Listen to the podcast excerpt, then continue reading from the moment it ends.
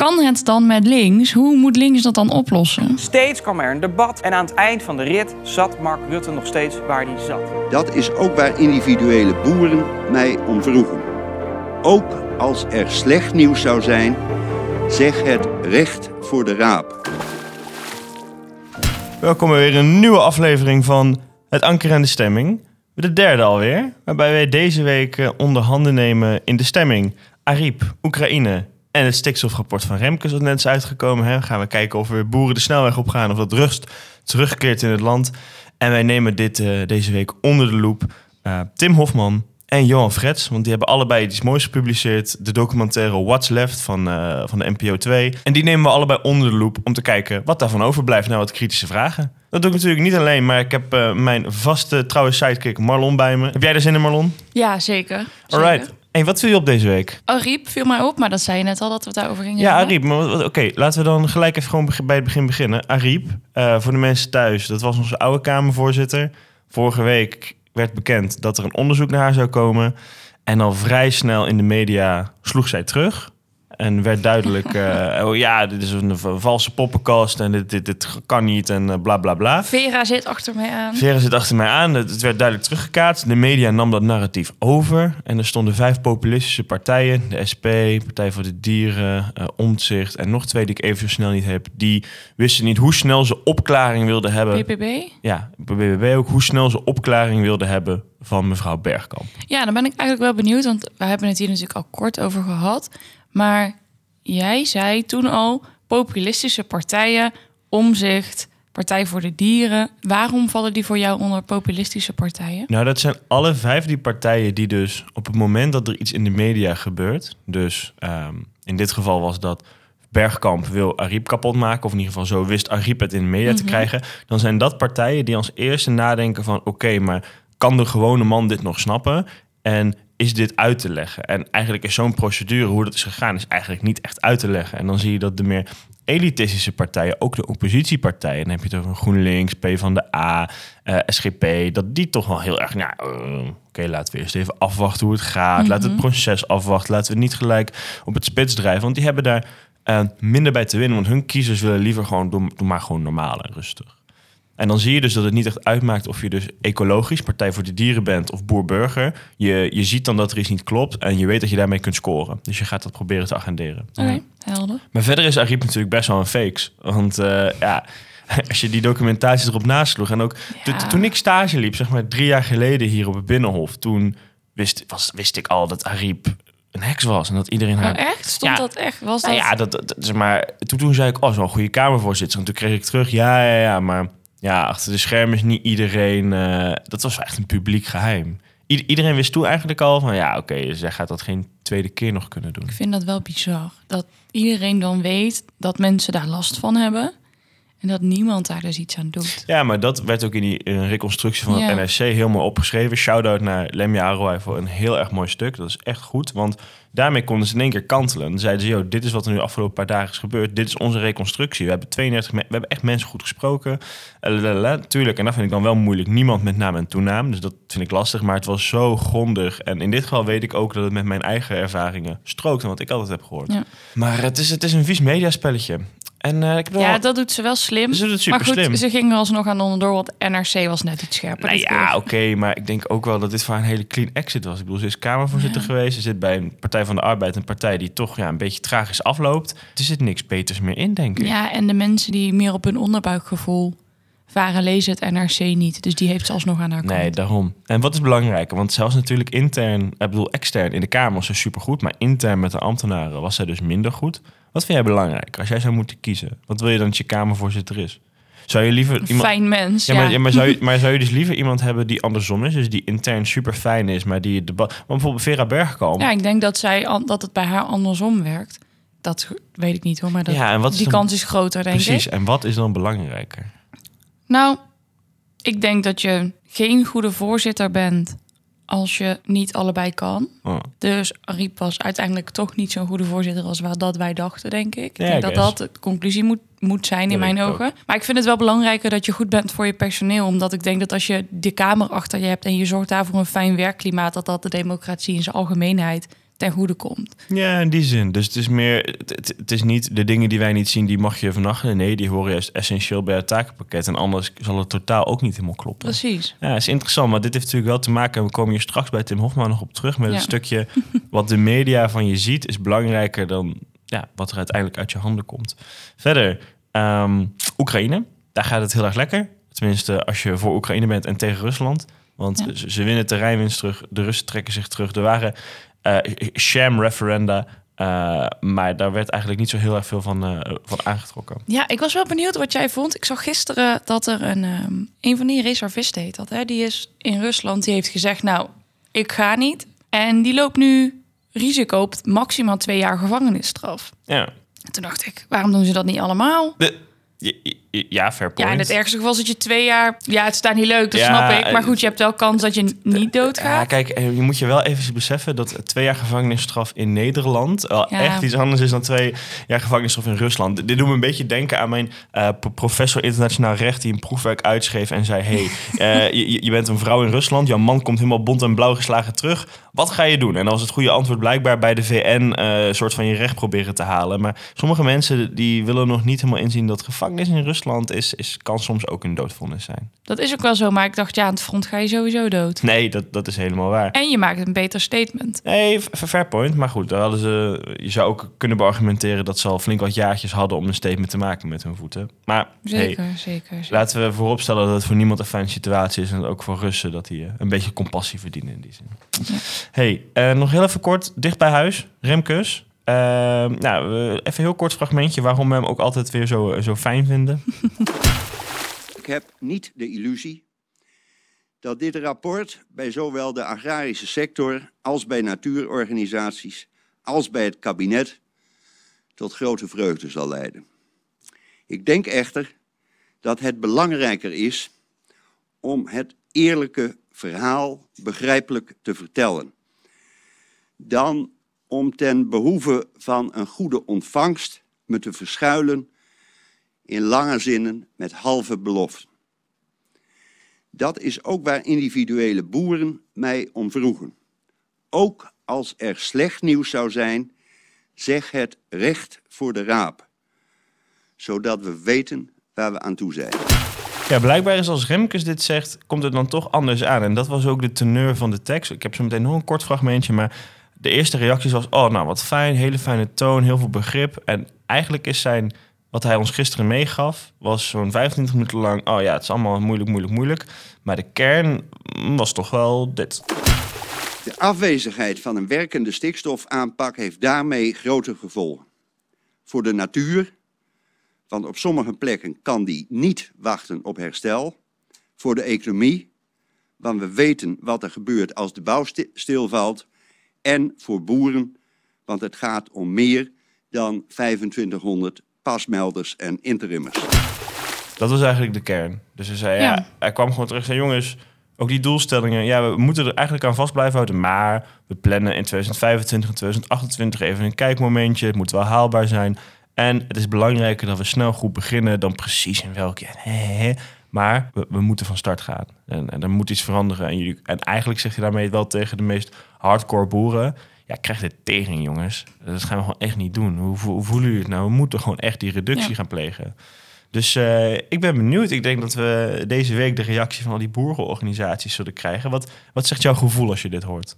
Nou, ik heb wel het een en ander zien langskomen. Volgens mij hadden ze gisteravond bij eh, die grootste partij, waar ook Farmers Defence Force, die man, onder valt, hadden ze al eh, overleg. Mijn gevoel zegt dat ze niet meer nog een keer de bres op gaan. Ze gaan echt niet weer snelwegen platleggen. En daar hebben ze niks aan, want er is nu iemand die het allemaal bij elkaar heeft proberen te brengen. Nederlanders hebben echt geen zin in nieuw gezeik als dit het... Ja, als iedereen Nee. om tafel is geweest, dit is gewoon opnieuw de boodschap. Ja, dat hebben ze, als je nu met een beetje afstand naar kijkt, is dat natuurlijk ook wel slim gedaan door het kabinet. Zo van, oké, nou, deze man, iedereen wijst naar hem. Ook het CDA, ook alle oppositiepartijen. Nou, die moet dan met de oplossing komen. En hij geeft ook aan in zijn speech dat hij dat een beetje ongemakkelijk voelt. Omdat hij zei van, ja, ik ben in politiek bestuurlijk vaarwater terechtgekomen... waar ik eigenlijk met mijn tengels vanaf wilde blijven. Dus dit is wat ik ga doen. Ik ga het heel netjes verwoorden.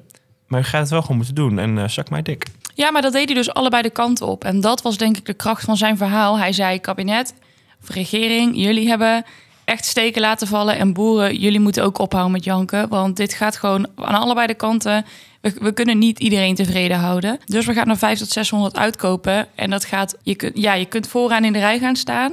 Of we gaan je dwingen. Ja, nee, ik vind dat een hele goede. Ehm, Ik denk dat we genoeg waan van de dag hebben besproken. Dat is wel belangrijk voor de setting. Maar we gaan nu eventjes eh, de diepte in. En we gaan proberen dat te doen met twee belangrijke stukken die eh, zijn uitgekomen. Het eerste is die documentaire van Johan Frets. Johan Frets, eh, columnist eh, en een zelfverklaarde linkse jongen van het Parool. Maar wel een, een gedegen journalist met passie en, en met op oprechte interesse in het onderwerp waar hij voor schrijft. En die heeft een mooie documentaire gemaakt. En Tim Hofmans, lands favoriete deugneus, met de laatste aflevering van Pak de Macht.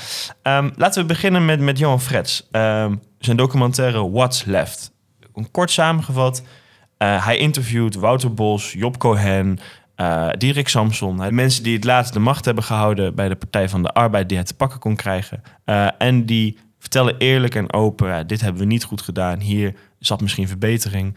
Eh, maar de kern van het verhaal is eigenlijk dat Johan teleurgesteld is dat de PvdA voor de derde weg heeft gekozen, zich door het neoliberalisme heeft laten inpakken eh, en eigenlijk te weinig linksbeleid heeft gevoerd. En dan hoor ik jullie denken, derde weg, neoliberalisme, wat? Maakt niet uit, gaan we allemaal heel rustig even aantikken. Ik vraag eerst aan jou Marlon, wat vond jij ervan? Ik vond Want, we het... hebben, want we, even voor de luisteraar, we hebben deze documentaire twee dagen geleden gekeken. Ja. En toen wilde ik er heel veel over zeggen. En toen zei Marlon, "Het is tijdens de podcast. Dus nu komt alles er, ook eerst de reactie nog helemaal uit. Dus wat, wat vond jij ervan? Ik vond het eh, heel mooi hoe hij dat op een hele... Ja, wat is dat ondertussen? Millennium of Millennium Gen manier. Z manier heeft gemaakt. Omdat het, het gaat heel snel. Er, wordt, er gebeurt heel veel. Dus ik denk dat hij voor een heel groot, niet politiek geïnteresseerd publiek... ook een interessante documentaire heeft gemaakt. En dat vind ik echt heel knap. Dat is goed. Het is persoonlijk, maar het is ook objectief genoeg, denk ik. Ja, en verder, ik wist hier bijzonder weinig van, want wij waren nog heel jong toen dit allemaal gebeurde. En ik weet dat jij ja, je daar waarschijnlijk meer in hebt verdiept vanwege je achtergrond. Ik heb dat nooit hoeven doen of nooit gedaan en nooit willen doen ook. Dus voor mij was het ook heel veel nieuwe informatie. En het ik bleef wel zitten met een aantal vragen waarvan ik dacht: oké, maar die had je wel even mogen beantwoorden. Want van sommige delen van je doken begrijp ik nu echt helemaal niks. Nee, maar dat is ook inderdaad wat je zegt logisch. Hij gaat erg snel en over bepaalde kernbegrippen die je wel even moet behandelen voordat je tot zijn analyse kunt komen. Namelijk, dit PvdA heeft ergens een keer een bepaalde keuze gemaakt en die keuze was stom. Nou, dan moet je wel snappen, oké, wat was die keuze? Waardoor kwam die keuze en wat was de context? Hij legt dat vrij kort uit. En hij begint met eh, het, het neoliberalisme en wat dat dan is. Maar ik wilde eerst van jou weten wat jij ervan vond. Oh, van de, van de documentaire. Ja, oh want ja, jij vraagt altijd dit soort vragen, ook als het gaat over wat viel jou op deze week. Dat gaat altijd over mij. En dan wil ik altijd nog vragen, en jij dan? En dan zijn we al Ja, door. nee, dat dus is nu... waar. Ja, ik vind mijn eigen mening in dat opzicht niet zo heel erg interessant. En, ik, en dat komt dan wel terug in de stukjes die we gaan beluisteren. Maar wat ik ervan vond over zijn algemeenheid... Een goed gemaakte documentaire inderdaad. Die wat jij zegt volgens mij een groot publiek aan kan spreken. Maar ik zit mezelf dan gewoon vooral op te eten. Omdat ik merk dat hij precies dezelfde fout maakt als, als heel veel jonge denkers. En dat is namelijk niet goed genoeg nadenken over wat de kern is. Want hij zegt dan, oh, we moeten terug naar de kern van de sociaaldemocratie. Maar wat dat dan precies is en hoe je dat precies doet, dat komt niet aan bod. Want dat is super moeilijk. Er wordt vaag verwezen naar nieuwe linkse bewegingen. En aan de andere kant is dat helemaal schandalig. Want dat waar hij tegen is, dat behandelt hij zo ongelooflijk karig. Dat eigenlijk iedereen die die materie serieus tot zich heeft genomen weet... ja, maar jongen, je gaat hier zo vlot overheen. En met alleen maar een paar quotes en een paar minuten... kun je dat eigenlijk al helemaal fileren. Dus dat is wat we hier gaan doen. Ja. ja, maar dat vond ik denk ik eh, in zijn algemeenheid wel. Ik vind altijd met dit soort documentaires, als je deze kijkt, dan denk je nou, nou ja, ja, hij heeft gelijk. En dan ga je naar Tim Hofman kijken en dan zeg je, ja, ja, hij heeft gelijk. En ik denk dat dat ook is wat een documentairemaker wil. Maar Uiteraard. wat ik altijd voel, dat ik denk, oh, die an maar en die andere kan dan. En Precies. dan moet Nou, je wel weten waar je die moet zoeken. Daarvoor zijn wij. Dus we gaan eens even luisteren. Johan Frets begint met een aanval op het neoliberalisme. En vooral de trickle-down economics. Gaan we heel, heel even luisteren. Maar toen het eind jaren 70 allemaal even wat minder begon te lopen en de economie stagneerde, kwam er langzaam maar zeker een andere stroming op: het neoliberalisme. Government is not the solution to our problem. Government is the problem. Mensen als Thatcher en Reagan namen de scepter van de macht over. Dichter bij huis Ruud Lubbers, of zoals mijn vader hem altijd noemde, broer konijn. De sterke overheid, de economie en werkgelegenheid stimuleren, werd afgeschilderd als de duivel. En de verlossing moest komen van de heilige markt. Bezuinigen, minder rechten voor arbeiders en minder plichten voor grote bedrijven. Want bij het neoliberalisme hoorde de economische filosofie van trickle-down economics. Trickle-down economics. En dat legt hij dan vervolgens uit als, en dat was het ook, denken de overheid moet vooral niks doen en vooral uh, rijke mensen nog rijker laten worden en arme mensen nog armer. Want een overheid is goed als de overheid niks doet. Maar is dat ook, is dat tweede wat jij zegt, arme mensen armer, rijke mensen rijker, ook echt de gedachte? Of is dat het gevolg wat uit dat beleid komt? En Ja. hebben mensen dat nooit echt bewust doorgehad? Daar zit het hem dus in. Wat wel echt het beleid is geweest, en daar kun je geen spaan tussen krijgen, is dat er echt is gekozen voor ook de, de rijkste mensen eh, belastingverlaging te geven. Met, echt met de gedachte, oké, maar ook zij moeten verdienen, want dan is dat goed voor de hele economie. Maar wat je mis is, is dat het oude liberale idee is... Hey, als je iedereen zo vrij mogelijk laat... dan wordt er zoveel mogelijk verdiend door iedereen. Dat is waar en ook heel mooi. Maar vervolgens is dat gejat in de jaren tachtig... en is er gezegd, nee, het is alleen maar voor de rijken... en de mensen die al vrij zijn. Eh, dus ehm, eh, het neoliberalisme, hij noemt dat verschrikkelijk... maar wat is het precies? Het is het om het precies te zeggen, is het een heel erg naar huwelijk tussen de slechtst uitgewerkte ideeën van liberalisme, namelijk kleine overheid is in principe goed en een grote overheid vinden we in principe eng, en het boomerconservatisme. Dus dit is van ons, dit is ons vaasje en daar blijf jij van af. En wat er dan in de jaren tachtig is gebeurd in de VS en in de UK, is dat conservatieve groepen die hebben toen gezegd: Oh, maar jij, jij bent eigenlijk voor vrijheid. Thatcher, Reagan, jij kunt daarmee winnen. hey, als je nou vrijheid uitlegt als. maar religieuze mensen moeten vooral lekker kunnen doen in een land. en rijke mensen moeten vooral kunnen doen. dan gaan wij allemaal op jou stemmen. Ja, en zo werkt politiek. Je hebt een meerderheid nodig. Hè, en zo is het gebeurd. Maar wat ik dus wel heel eventjes. Gewoon puur om het te laten zien aan de luisteraar. Hè, dat neoliberalisme, waar komt dat dan vandaan? Je hebt Reagan en Thatcher. En die hebben een Milton Friedman en, en, eh, en Friedrich Hayek als, als filosoof, als recente filosofen. En die gedachten komen nog van veel, veel ouder van, van Smith en Mill en ook Plato. En daar zijn ze uiteindelijk door geïnspireerd. En dan gaan we heel even kort wat hij dus zegt dat het neoliberalisme is. En de trickle-down economics is dus de grote boel. En dan gaan we eens kijken, wat, wat, wat, wat zeggen die denkers heel kort? Plato zegt, I am the wisest man alive, for I know one thing, and that is that I know nothing. En op, op basis van die gedachten, daar zijn Smith en Mill in de 17e eeuw iets verder van gegaan. Dan zeggen ze dingen als, Smith zegt, whenever there is great property, there is great inequality. Leg even uit, wat bedoelt hij daarmee? Adam Smith is de persoon die altijd wordt aangehaald als dat is de uberklootzak en dat is de grondlegger van. Maar wat hij zegt is, Econoom, als er, toch? Als, ja, als er groot bezit is, als er veel bezit is, dan is er grote ongelijkheid. En dat is niet goed. Dus eigenlijk al de eerste morele filosofen waar het neoliberalisme op gebaseerd is, dat zijn helemaal geen mensen die zeggen: hey, yo, fuck de, rij, eh, fuck de armen en rijken moeten rijker worden. Dat zijn mensen die vertrekken vanuit een: hey, wij weten heel weinig. Het enige wat wij zien is. ehm, ja, dit is wat er gebeurt als wij niks doen. Dit is wat er gebeurt als we rijke mensen hun gang laten gaan. En ook iemand als Mill, die zegt dan dingen als: Bad men need nothing more to compass their ends than that good men should look on and do nothing. Er hoeft niks te gebeuren voor slechte dingen om daadwerkelijk te gebeuren, dan dat goede mensen aan de zijlijn blijven staan en niets doen. Nou, als je die tekst hoort, dan denk je: oké, maar ik hoor nog niet. We moeten arme mensen kapot maken en rijke mensen rijker. En, en ook als je dan. Nee, het is behoorlijk gelijk. Het is, heel erg, het is heel erg gelijk. En als je iets verder gaat, nou, dat je zegt: oké, maar Thatcher en Reagan, dat zijn daadwerkelijk mensen. En daar hebben ze gelijk. Die hebben beleidsmaatregelen genomen. die gewoon echt rijke mensen rijker hebben gemaakt. Arme mensen armer. Dat is gewoon, daar kun je geen spaan tussen krijgen. Maar als je dan vervolgens kijkt wat die filosofen zeiden. die hen hebben beïnvloed. Dus bijvoorbeeld Thatcher. eh, eh, is beïnvloed door Hayek. Nou, Hayek die zegt dingen als, daar heb ik een paar quotes van. De, de belangrijkste is... The curious task of economics is to demonstrate to men how little they really know about what they can imagine they can design. In het Nederlands, de enige taak van economen is om mensen aan te tonen dat ze geen reet weten. Want we, we, we zitten er gewoon constant naast. Moet je even bedenken, Hayek, dus de grote inspirator van Thatcher en Reagan, die is opgegroeid en groot geworden in de jaren 20 en 30. Hè. Dus die heeft gezien wat oorlog doet. Die heeft gezien dat inflatie en een overheid die de geldpers aanzet... heeft letterlijk al het kapitaal van zijn familie kapot gemaakt. Is voor de oorlog gevlucht naar Londen. En zijn hele gedachtegoed is een aanklacht tegen één iemand met de macht. En tegen één correct idee. En zijn hele ideologie gaat dan ook verder met... We shall not grow wiser before we learn that much that we have done was very foolish. En de laatste is: The mind cannot foresee its own advance. Het zit vooral vol met een nederigheid. Wij weten echt heel weinig. Dus je moet niet zomaar, je moet niet zomaar fucking alle belastingvoordelen voor de rijken openzetten en dan verwachten dat het wel goed gaat. Want je hebt geen idee wat er gaat gebeuren. Je kunt alleen maar achteraf zien, hé, hey, maar dat werkte niet. We moeten niet zomaar de geldkraan openzetten zoals in de jaren 30, want dat is gewoon heel erg dom. We kunnen alleen maar op, en dat is heel iets anders dan laten we alle rijken rijk maken en de overheid moet vooral niks doen. En dan als allerlaatste, dan heb je dus wat er in Amerika fout is gebeurd met eh, Ronald Reagan. Ja, die is geïnspireerd door uh, Friedman. Milton Friedman was voorstander van een basisinkomen. Die wilde gewoon voor iedereen een basisvoorziening, omdat dat nou eenmaal de beste manier was om iets te doen. Nou, dat is totaal niet wat, wat een Ronald Reagan ooit zou zeggen. Die zou zeggen, nou, je moet werken voor je geld.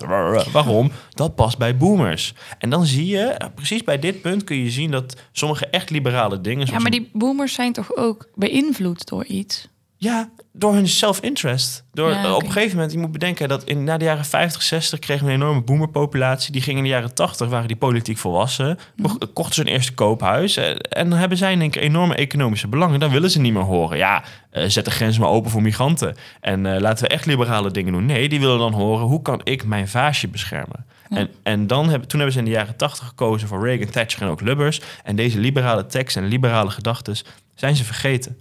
En dus ook de wijsheden van een Hayek, een Friedman, een Mill, een Smith, een Plato. Want die teksten zijn niet interessant. En ook op de UvA, waar ik gestudeerd heb, ja, daar werden die teksten niet, niet gegeven en, en niet bestudeerd. Maar werd het neoliberalisme, net als Frans hier doet, wel heel snel afgezet als dat was de grote kanker.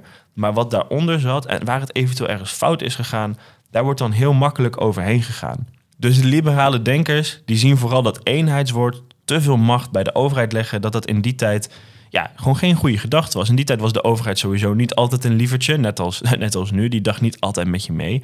Maar in die tijd hadden ze geen internet, geen social media, geen wereldwijde informatiestroom zoals nu. Er zijn echt heel erg veel dingen mogelijk. Maar wat er in de jaren 80 dus is gebeurd, is dat invloedrijke conservatieve groepen in Amerika en Engeland deze mooie ideeën gejat hebben en hebben verbasterd tot vrijheid is. Blijf met je poten van mijn shit af, want ik wil rijk worden en jij moet de tering krijgen.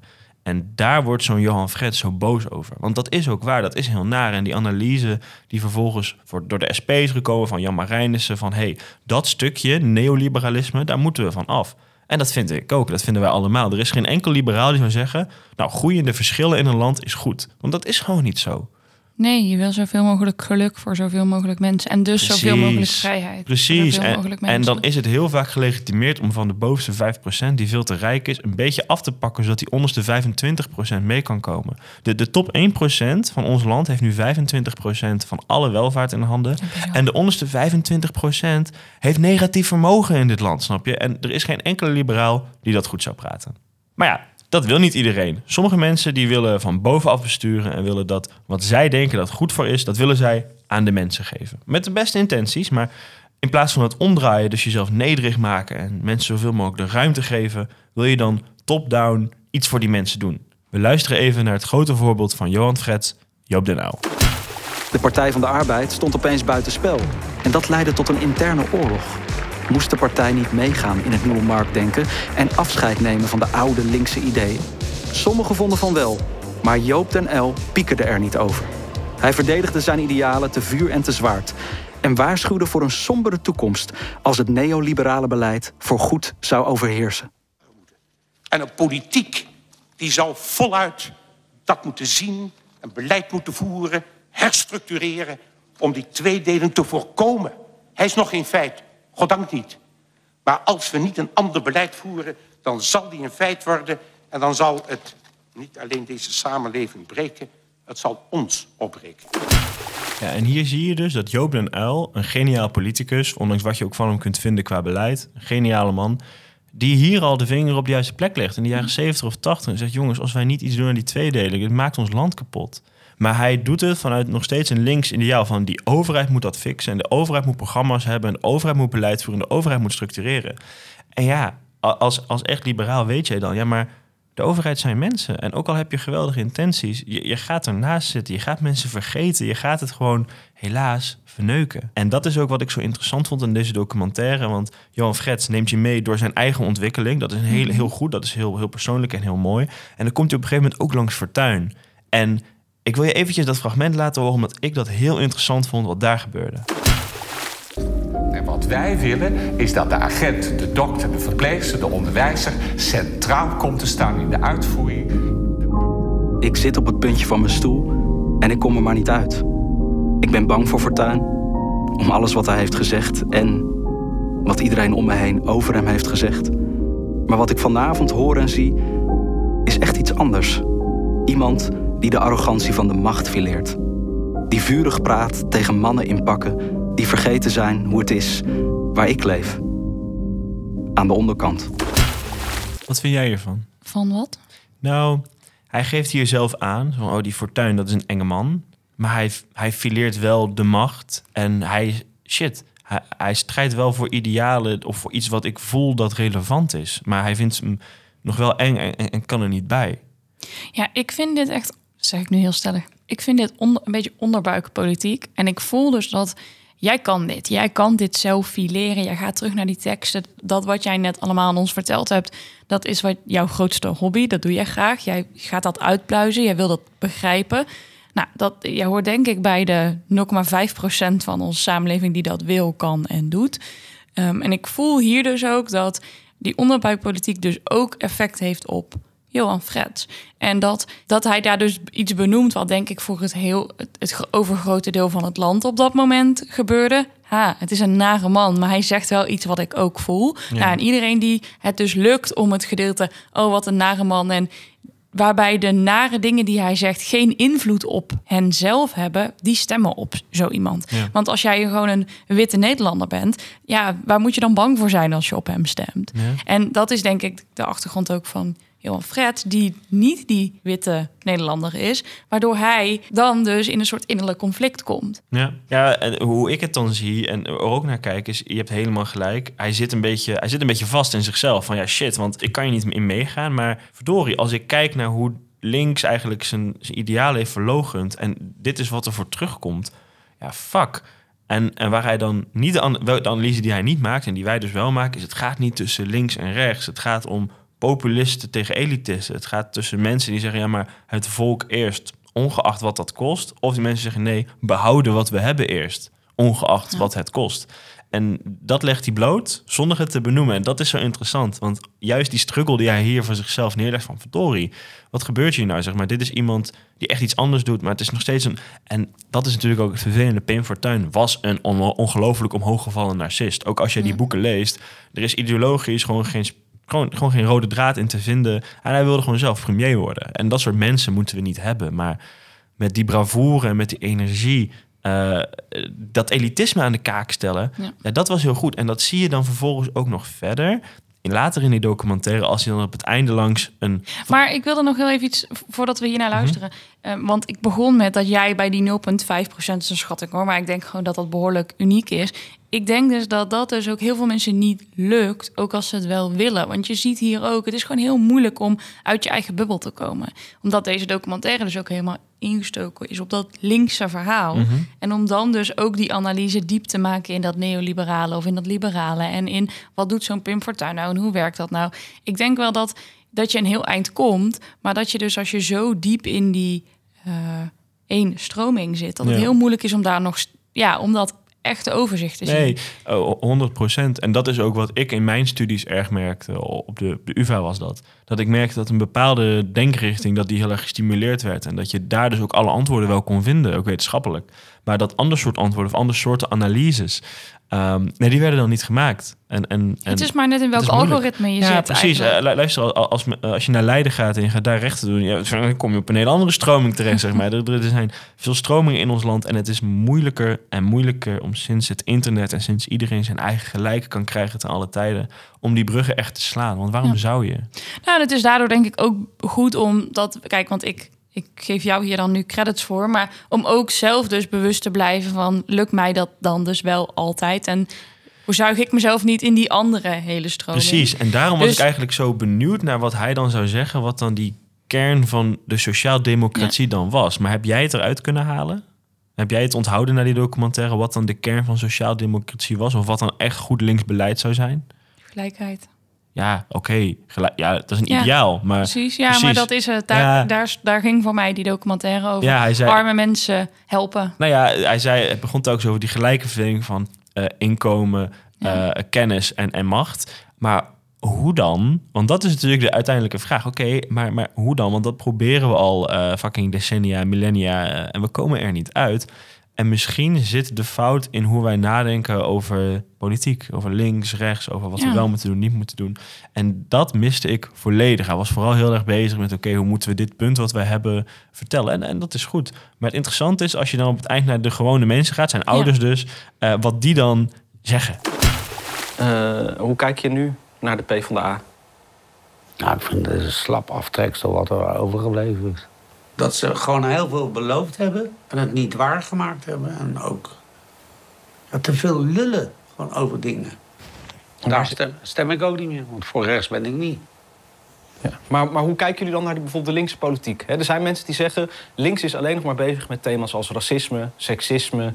ehm, Nou ja, daar moet ook hard wat aan gedaan worden. Komt het ooit nog goed met links? Gaan Kijk, doen? als, als, als Sylvana Simons groot wordt, Partij voor de Dieren... wie ik ook even wil noemen, want ik heb ook nagedacht voor dit programma... een vrouw die me ontzettend is gaan ontroeren is Sigrid Kaag. Hè? Sigrid Kaag, ik had eerst een beetje een aversie tegen haar. Ze heeft niet zo'n toegankelijk gezicht. Maar het is, het wel, het is wel een vrouw...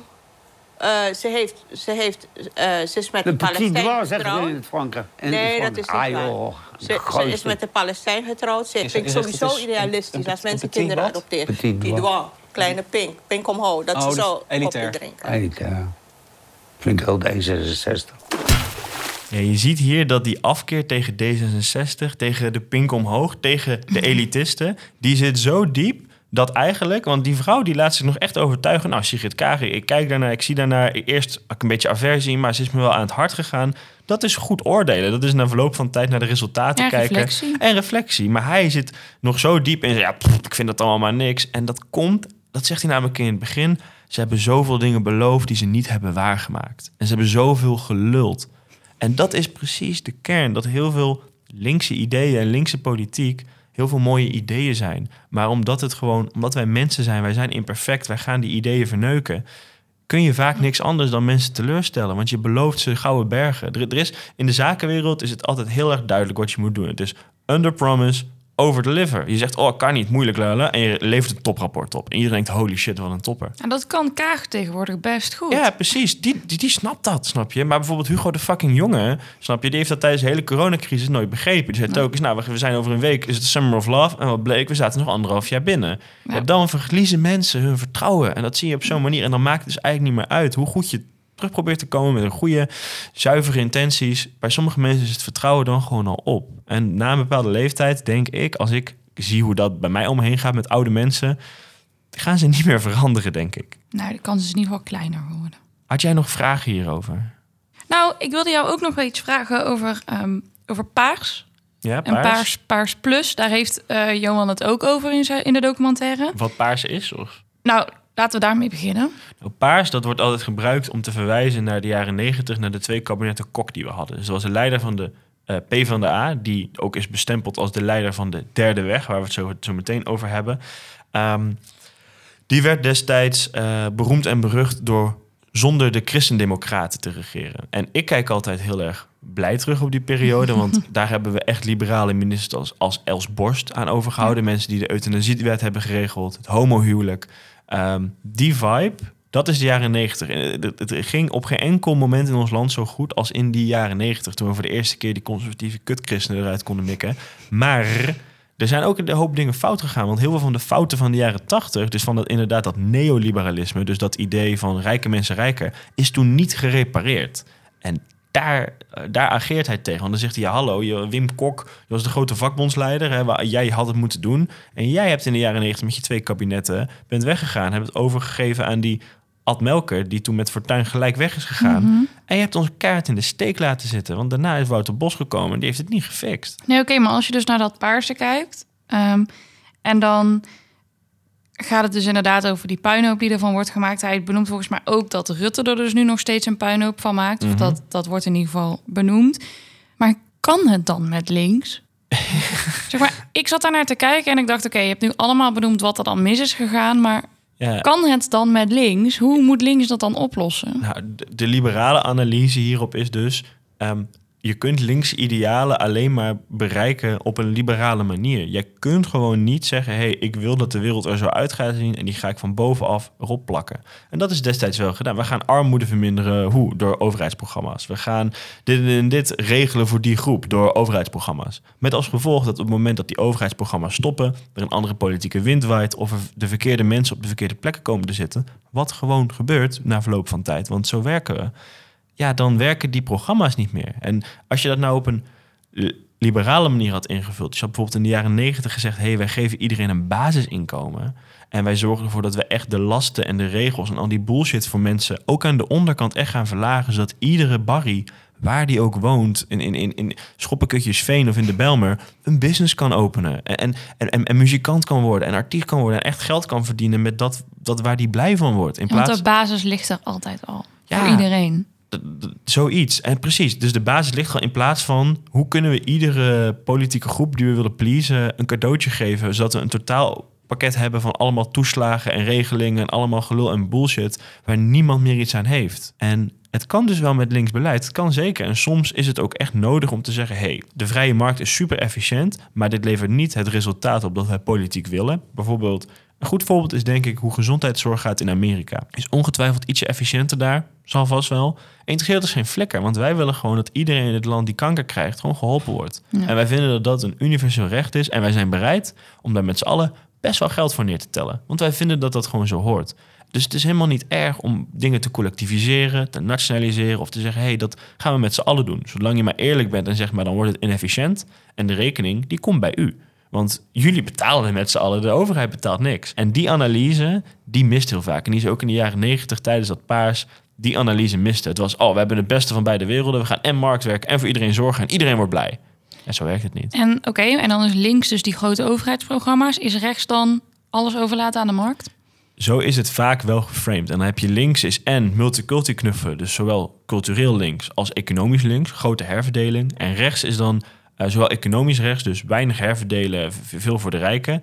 Uh, en, cult en ook cultureel rechts, dus het eigen land eerst en weinig migratie. En die tegenstelling, die is funest. En we hebben, ja. tegen, we hebben hele makkelijke tegenstellingen nodig om politiek te begrijpen. Anders is het gewoon veel te complex. Mm. Maar nadenken in dit links en rechts. Een liberaal is dan altijd de boeman. Want een liberaal wil niet als rechts worden gezien. Want je bent helemaal niet voor tegen migratie. En je bent helemaal niet tegen, tegen iets doen aan en inkomensverschillen. Nee, maar je wilde dat gebeurt vanuit een vrijheidsbeginsel, vanuit een idee van oké, maar als wij niet beginnen met vrijheid voor de gewone man en voor iedereen in dit land, dan gaan wij die linkse idealen van een blije, fijne wereld gewoon nooit bereiken. Want wij kunnen die dingen die jij wilt, welvaart, veiligheid, rechtvaardigheid, politieke waarden.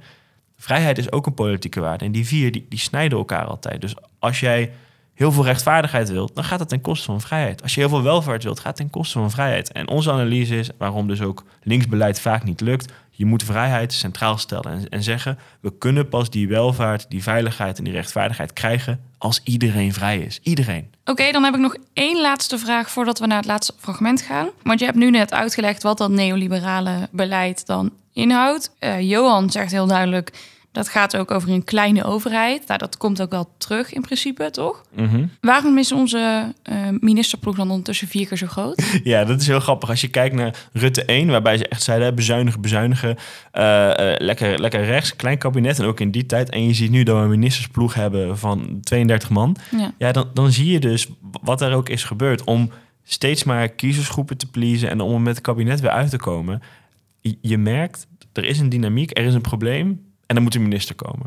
Er is een probleem en er moet een regeling komen. Onze aantal actieve wetten is verdubbeld sinds 2001. En dat is niet van, oh, de overheid is altijd slecht. La, la. Soms zijn goede wetten gewoon nodig. Mhm. Maar omdat wij zo graag mensen willen pleasen, omdat wij zo graag aan alles tegemoet willen komen. Hey, we hebben een extra minister voor de toeslagenaffaire eigenlijk nu. Hè? We hebben een extra minister voor stikstof. Terwijl we hebben al een minister voor landbouw, snap je? Dus omdat wij dingen zo erg verneukt hebben, omdat wij in een vroeg stadium niet eerlijk zijn geweest en een eerlijk systeem hebben gemaakt, wat gewoon voor mensen werkt, van onderop uit zichzelf. En wij dus vast blijven zitten in systemen die van bovenaf sturing nodig hebben. Met grote ministeries, met grote doelstellingen, met controle, met apparaten.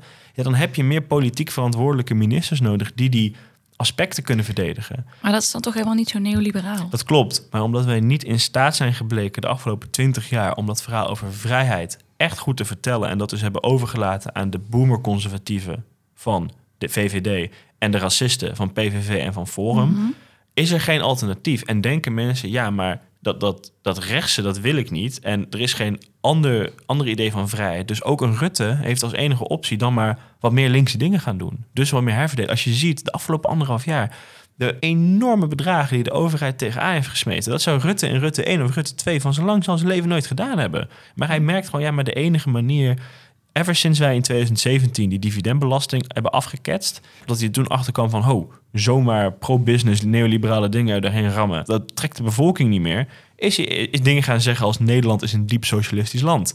Dat is hij pas gaan zeggen nadat hij voelde van, oké, maar dat neoliberale krijg ik niet meer verkocht. En ik, ga, ik, ik kan niet een nieuw vrijheidsverhaal houden, want dat is mijn rol als premier ook niet. Klaas Dijkhoff heeft dat nog geprobeerd een paar jaar geleden met liberalisme. Dat werkt voor de mensen. Dat is echt best wel een goed stuk. Maar Klaas Dijkhoff is ook een goede man en een slimme vent. En die dacht, ja, maar hier, hier word ik niet gelukkig. Nee. Hier, hier brand ik op, man. Ik krijg de tering. Het leven is meer dan dit. Ik ga lekker naar mijn gezin in Breda. En jullie kunnen allemaal de tering krijgen. Verstandige man. Oké, nou laten we, eh, voordat we het nog uitgebreider over Rutte gaan hebben, want daar heeft Tim Hofman het natuurlijk in zijn documentaire ook over, of in zijn aflevering Pak de Macht, eh, naar jouw derde fragment gaan. De derde weg. Het idee, laten we als sociaaldemocraten de vrije markt omarmen en gebruiken om onze linkse doelen te bereiken. Persoonlijke ontplooiing. Niet alles van de overheid verwachten. Mensen ook zelf eh, empoweren. Ja, en hier hoor je dus Wouter Bos in reactie. En je, je ziet dat natuurlijk niet. Maar hij zegt empoweren tussen haakjes. Eigenlijk, mm, eigenlijk is Wouter Bos het er ook niet mee eens. En dat is natuurlijk heel grappig. Want daar gaat Johan Fretsen zo keihard op in. Zegt hij, ja maar gast, jij zat zelf aan de knoppen. Jullie zijn de exponent van die derde weg. En die derde weg, wat dus heel grappig is, is dat Bill Clinton, de Amerikaanse president in de jaren negentig, echt een grote, een groot persoon, die noemde Wim Kok als, ja, dat was eigenlijk de eerste echte leider van de derde weg in de wereld. En hem daarmee eigenlijk ook een stempel gaf van, joh, jij hebt dat socialisme verkocht aan de vrije markt.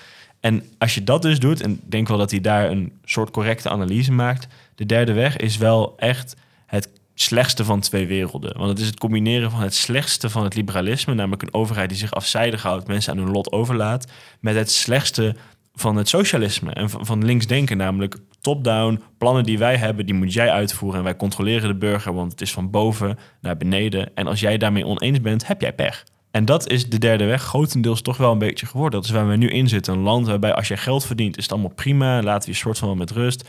Maar wee je gebeente als je niet in de gebaande paadjes valt... of je hebt een afwijkende mening... dan mag je achteraan het loket aansluiten en heb je gewoon pech. Dat is mooi, want dan heb je precies op al mijn vragen die ik daarover had antwoord gegeven. Ja, dat is mooi. Ja, want ik wilde weten wat jij daarvan vond, van die analyse dat dat inderdaad een fout is geweest. Zoals Johan Frets dat zegt. Ja, maar de reden waarom ik tot de conclusie kom dat die derde weg dus niet gelukt is, is anders dan van Johan Frets. Want Johan Frets die zegt, nou, de derde weg is mislukt omdat wij toen onze linkse idealen eigenlijk verlogend hebben, dus het was niet links genoeg.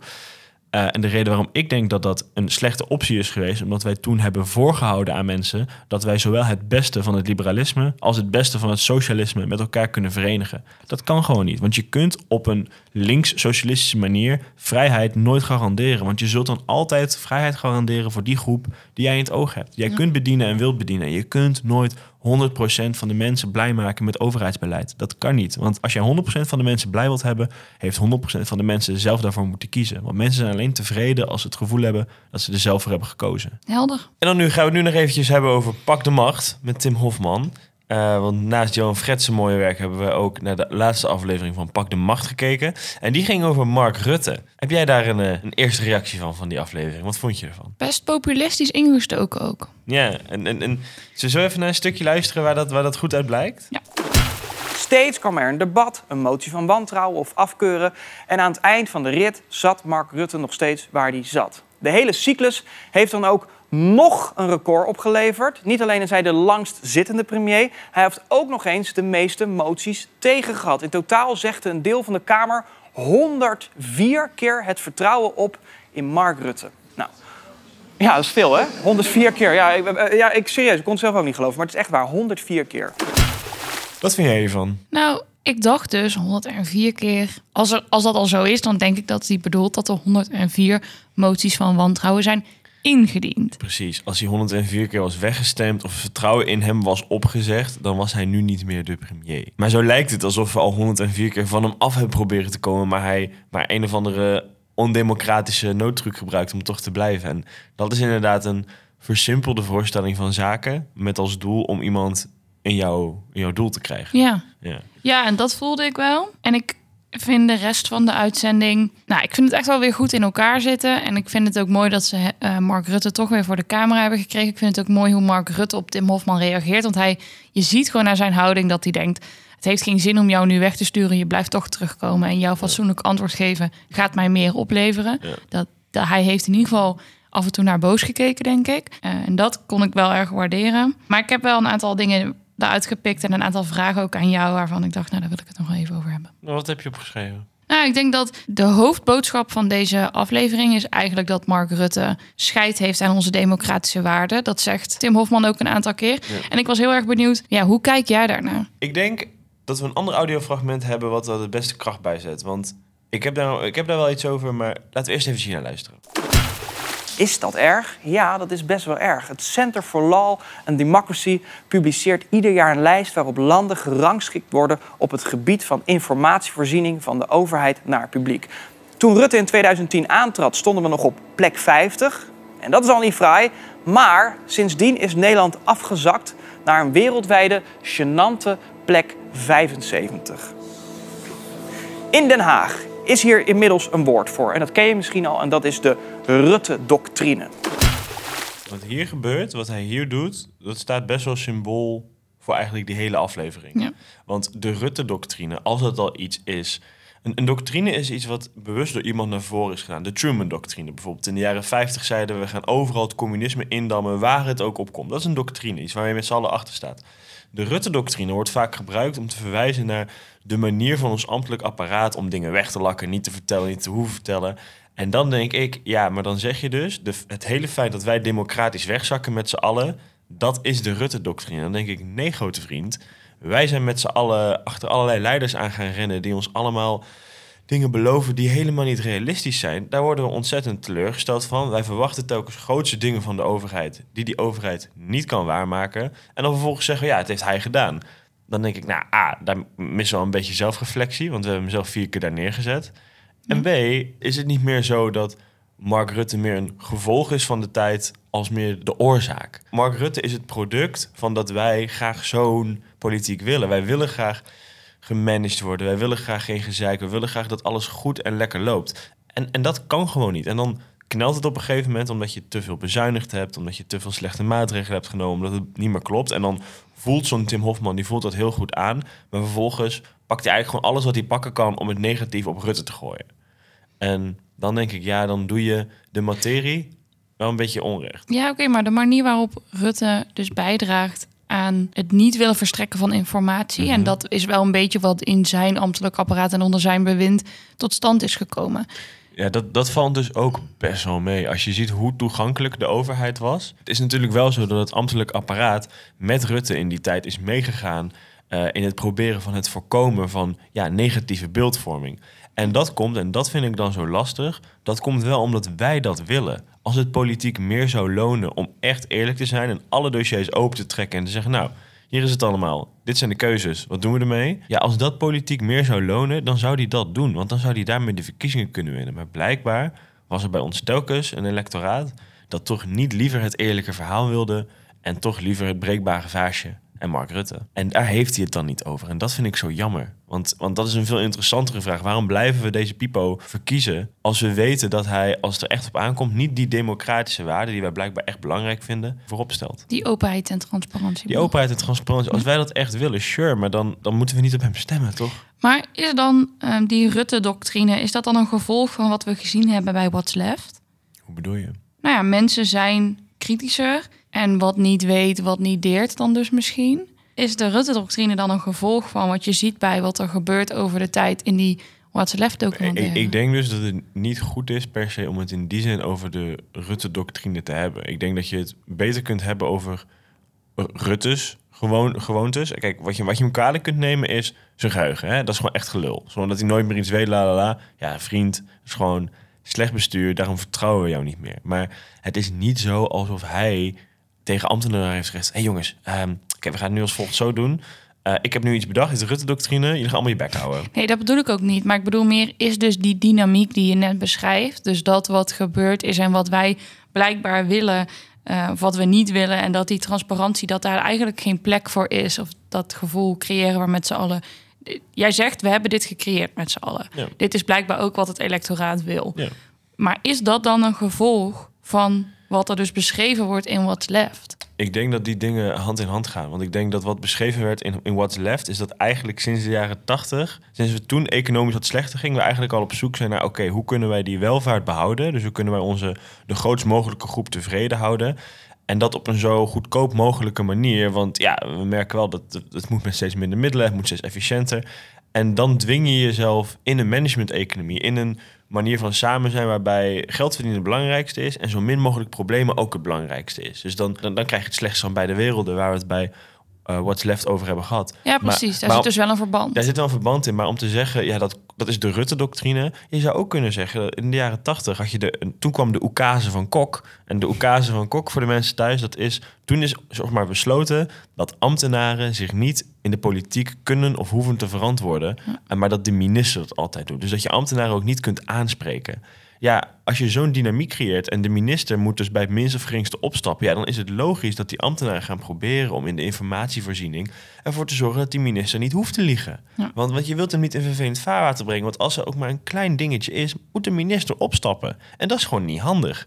Dus als wij zo'n systeem laten ontstaan en we zeggen, ja, nou, wij vinden dat een fijne manier, inderdaad. Wij, wij willen dat de minister politiek verantwoordelijk is en al die ambtenaren, ja, die willen we eigenlijk niet verantwoordelijk houden. Ja, dan is het logisch dat je dit soort shit krijgt. Maar dat is dus een gevolg van de regels die wij ze geven. En denk ik minder van heel doelbewust opzettelijk spel van één persoon. Dat is ook echt wel een overschatting van hoe slim en invloedrijk die mensen zijn. Hoor. Het is echt niet alsof zij de capaciteit hebben om zo'n plan top-down erin te rammen over al die jaren. Oké, maar als we dan kijken naar dat systeem wat we dus nu gelabeld hebben, de Rutte-doctrine, maar dus die beweging. Werkt dat dan niet extreem rechts juist in de hand? Ja, en extreem links ook. Gewoon dat werkt Ja. populisme in, Ja. in de hand. En vooral extreem populisme. Omdat je voelt, ja, maar die overheid zou er voor mij moeten zijn. Ik als gewone man, gewone vrouw, klein, klein persoon.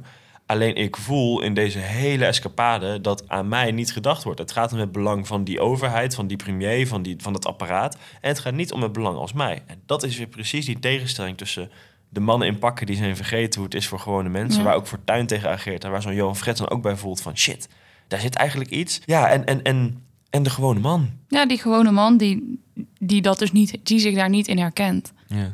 Oké, en als we dan teruggaan naar het allereerste fragment wat we net geluisterd hebben over die vergeetachtigheid. In hoeverre is dat geacteerd, opzet? Ik denk dat je ervan uit mag gaan dat dat 100% opzet is. En eh, wat zegt dat over je moraal? Ja, ik denk dat zijn moraal anders is. Ik denk dat zijn moraal oprecht is. Ik moet doen dat wat het beste is voor het land en voor de coalitie. En soms betekent dat een leugentje om best wil. Ik, ik denk dat Mark Rutte meer Machiavelli heeft gelezen dan dat wij thuis soms bedenken. Hij is wel echt een keiharde machtspoliticus. En in zijn moraal is, is macht is oké. Dus als jij iets kan doen om aan de macht te blijven, dat is hoe ons democratische spel werkt. Dus als jij dat kan en jij wordt weer beloond met de meeste zetels, heb jij het blijkbaar goed gedaan. En toch vindt hij zichzelf niet per se een heel machtig man, zegt hij Nee, maar hij weet dat, dat, dat je dat moet zeggen in dit land. We hebben het dus net, want ik pak terug op jou dat stuk wat je zegt, die vergeetachtigheid. En, dat, Mhm. en ik, ik bedoel, benoemde dat eerste fragment. Maar ik wilde ook nog wel even terug naar die 104 keer is het vertrouwen in Mark Rutte opgezegd. Want in hoeverre is dat dus ook een trend? Is dat de manier waarop wij nu politiek Ja, om- beschouwen, omdat uitvoeren? wij hebben een parlementair systeem dat al bijna 200 jaar eh, ontworpen is door Thorbecke. En dat is bedacht met de middelen van die tijd. Alleen dat is niet bedacht op de mediastorm die wij sinds de jaren 90 hebben gekregen met het internet en vrije kranten die overal, overal bovenop willen zitten. Dus heel veel parlementaire middelen die vroeger heel erg eh, bijzonder waren, zoals een motie van wantrouwen. Oh mijn god, het Wilders kwam erachter, als je dat doet, krijgt hij vet veel aandacht. Ja. Van die 104 eh, moties van wantrouwen durf ik jou te zeggen dat de helft daarvan van de Ja, hand van Wilders is. sowieso. Waarom? Omdat hij gewoon iedere grote politieke beschouwing, als er een groot debat is, rent hij als eerste naar de interruptiemicrofoon met zijn motie van wantrouwen onder zijn neus. Omdat hij weet, daar schrijft de Telegraaf over. En dan moet je denk ik kritisch naar jezelf zijn en zeggen... ja, oké, eh, 104 keer het vertrouwen in hem opgezegd. Ja, maar hij is nul keer naar huis gestuurd. Ja. We hebben nog geen nul keer met z'n allen op een Malieveld gestaan... met pek en hooivorken, eh, Mark Rutte moet weg. En als ze dat willen, dan, dan kunnen we dat doen. Dan kunnen we volgende verkiezingen op iemand anders stemmen. Maar ik heb jou nu al wel een paar keer ho- meer horen verwijzen naar de media in dat politieke landschap. En dat daar dan in een debat aan is dan per se de politiek. Ik, ik, ik denk dat de politiek en de media, die is allebei heel erg op zoek naar de burger dat geven wat, wat die wil. En waardoor die of zijn stem krijgt of zijn klik. Een, een Telegraaf, maar ook een NRC, gewoon iedere krant wil dat jij klikt op zijn artikel. Want daar verdienen ze geld mee. Dus als zijn artikel zo kunnen framen, kunnen spinnen dat het aantrekkelijk is, dat er strijd is, dat er frictie is, dan doen ze dat. En de politiek ook. Als zij een tweestrijd kunnen creëren, als zij het psychologisch, marketing-wise makkelijker voor jou kunnen maken om op hen te stemmen, dan zullen zij dat doen. En zolang wij op die manier de spelregels voorschrijven, zou zeggen, hey, dit is hoe we stemmen. Eens in de vier jaar willen wij op basis van emotie naar het stemhokje gaan. Ja, dan moeten we niet raar opkijken dat het systeem wat we daardoor krijgen, ja, ontzettend fucked is. Wat kunnen we daar dan aan doen? Nou ja, democratie is fantastisch. En ik denk dat er veel meer middelen zijn om heel veel mensen die veel meer zouden willen doen in de democratie echt te betrekken. En wat je ziet met burgerpanels, wat je, het is toch onmogelijk dat, dat, dat, je zoiets hebt als een een vandaag opiniepanel, waarbij een groep mensen heel nadrukkelijk telkens om een mening wordt gevraagd. En daar kun je een supergoed gemiddelde uithalen. Maar dat het beste wat wij democratisch kunnen bedenken is één keer in de vier jaar naar het stemhokje gaan. Om dat te veranderen moeten vaak die mensen die nu dus die macht hebben en dat spel heel goed kunnen spelen, een VVD, een CDA en D66, die moeten daarvoor macht uit handen geven. En dat, ja, dat willen ze natuurlijk nee, nee, niet. nee. nee dat is logisch. Zijn er nog dingen die jij... eh, Ik heb nog één alle, alle, allerlaatste eh, audiofragmentje en daar wil ik gewoon jou, jouw reactie op. Gewoon, Oké. gewoon that's it. Ja, het is eigenlijk gewoon een beetje op. Niet meer gezellig, niet meer effectief. Maar iets beters is er eigenlijk ook niet. Dit was een beetje de teneur van de aflevering op het eind. Ik had letterlijk nog twee vragen die daarover gingen, waarvan ik dacht, oh, even vragen of Erwin nog iets anders wil bespreken voordat ik deze dag een soort afrondend inknal. Nee, gooi hem erin, gooi hem erin. Nou, ik wilde dus van jou weten, is Rutte over zijn houdbaarheidsdatum heen? Ja, dat, dat is het wel. Ja. Dus, eh, en dat is on- ondanks dat ik vind dat het niet de schuld is van Rutte veel dingen, is omdat hij er zo lang zit. Zijn mensen, mensen zijn simpel. En al- omdat hij niet eerder in staat is gebleken om die problemen goed op te lossen en daarvoor echt op zijn knieën te gaan. Want in een debat dan na een paar uur zeggen: Ik heb me dat verkeerd herinnerd. Ja, dat is gewoon. Dat is te makkelijk. is te makkelijk en dat weet hij ook. Maar ik denk dus ook dat dit de bedoeling is. Ik denk dat hij dit af gaat maken, dat weet hij ook. Hij gaat daarna naar Europa. Hij is aan het voorsorteren op een hele goede baan bij, of bij de NAVO of in de EU. En ik denk dat eigenlijk, eerlijk gezegd, niemand in Nederland het erg vindt dat Mark Rutte dan met zijn netwerk en zijn kennis en zijn hakkerige Engels ergens in Europa zit, nog 10, 20 jaar. Laat hem maar doen. Ja, vinden we volgens mij allemaal best. Want volgens mij geloven we in dit land wel dat Mark Rutte, ondanks wat je van hem vindt, dat waar hij in gelooft, dus hij werkt wel echt teringhard, snap je? En- en- Maar heb je niet af en toe dat je naar hem kijkt en dat je denkt, oh, hij zit vanavond gewoon nog even zo in zijn vuistje te lachen voordat hij gaat slapen over wat hij nu het land weer heeft geflikt? Nee, nee dat, dat heb ik dus wel bij Mark Rutte. Ik denk dat, dat hij dat echt oprecht niet heeft. En ik zag dat, ik zag dat bij de coronacrisis. Toen zag ik een paar keer in, in omdat hij toen maatregelen moest nemen die hij zelf ook echt niet lachen vond. Zeg maar die avondklokken en Ja. zo. Zag ik ook wel echt zijn struggle met zijn wereldbeeld. Dat hij zegt van, hé, maar wij zijn toch allemaal liberale, slimme burgers. Dit hoeft toch niet? En dat hij er gewoon achter kwam, ja, fuck. Ja. Kut zo, ja, eh, fuck it, het zal wel. En eh 94% van mijn land wil de basisscholen dicht. Ja, dan fuck it, dan gooi ik ze maar dicht ook. Ik krijg de tering. Ja, ik weet het niet hoor. Ik, ik denk ook niet per se dat hij dat doet. Maar ik vind het wel een belangrijke vraag om jezelf af en toe even te stellen. En even Zeker, die maar- reflectie ook te Maar, hebben. maar ik denk als je zo ontzettend veel dingen op je bordje hebt en voor zoveel dingen verantwoordelijk bent en het zo snel fout doet, dat je zo erg bezig bent met het niet fout doen, Ja. dat je helemaal geen tijd meer hebt om nog echt heel erg, heel erg evil te schemen, zeg maar. Ja, als je Poetin bent, heb je daar tijd voor, maar dan moet je het land in de knoppen laten. Echt, hè?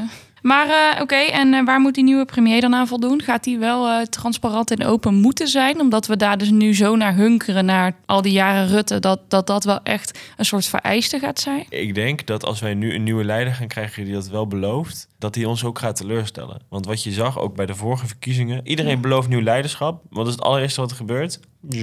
Gewoon weer oude shit. Ja, oké, maar kan dat dus onder Rutte?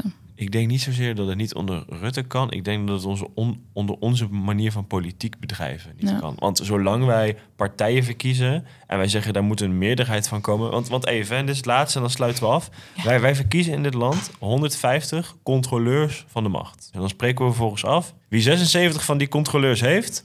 Die, heeft mag bepalen. Die mag bepalen. Die heeft vervolgens de macht. Die mag gaan uitvoeren. Ja, dat is ergens in de kern best wel gek. En je kunt daar ook anders over nadenken. Je kunt ook nadenken, we gaan per deelgebied gaan proberen een meerderheid te vinden in de Kamer. We doen, we doen het meer diffuus. We doen niet meer dat, dat blok van we moeten 76 mannetjes vinden en die gaan vier jaar lang alles regeren. Dat staat ook helemaal niet in onze grondwet. Nee. Dat staat niet. Dat, zeg maar, Thorbecke heeft een heel mooi systeem bedacht. 150 individuele Kamerleden die met, zonder last en ruggespraak met elkaar. En wat doen wij, regenten Nederland?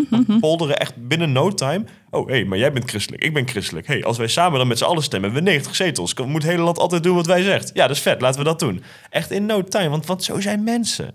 Dus ik denk dat we met die kennis, met die reflecties, met alles wat we nu hebben geleerd met Rutte, met Balkenende, met Kok, wat we hebben gezien bij What's Left, dat zou je allemaal samen moeten pakken en eens grondig kijken naar, hey, pa- passen al die lessen nog bij hoe wij nu politiek inrichten? Maar oké, maar dat gaat dus ook niemand doen, want dat betekent ook machtsverlies. Dat gaat geen enkele partij die op dit moment al macht heeft ja, doen. Precies. Ja. Dus daarom, daarom doen wij dit. Ja, nou, ehm, ik had eigenlijk, ik heb alles wat ik wilde weten en wilde vragen aan jou wel gehad. Volgens mij moeten mensen dan een heel fijn weekend wensen. Fijn weekend. Dag!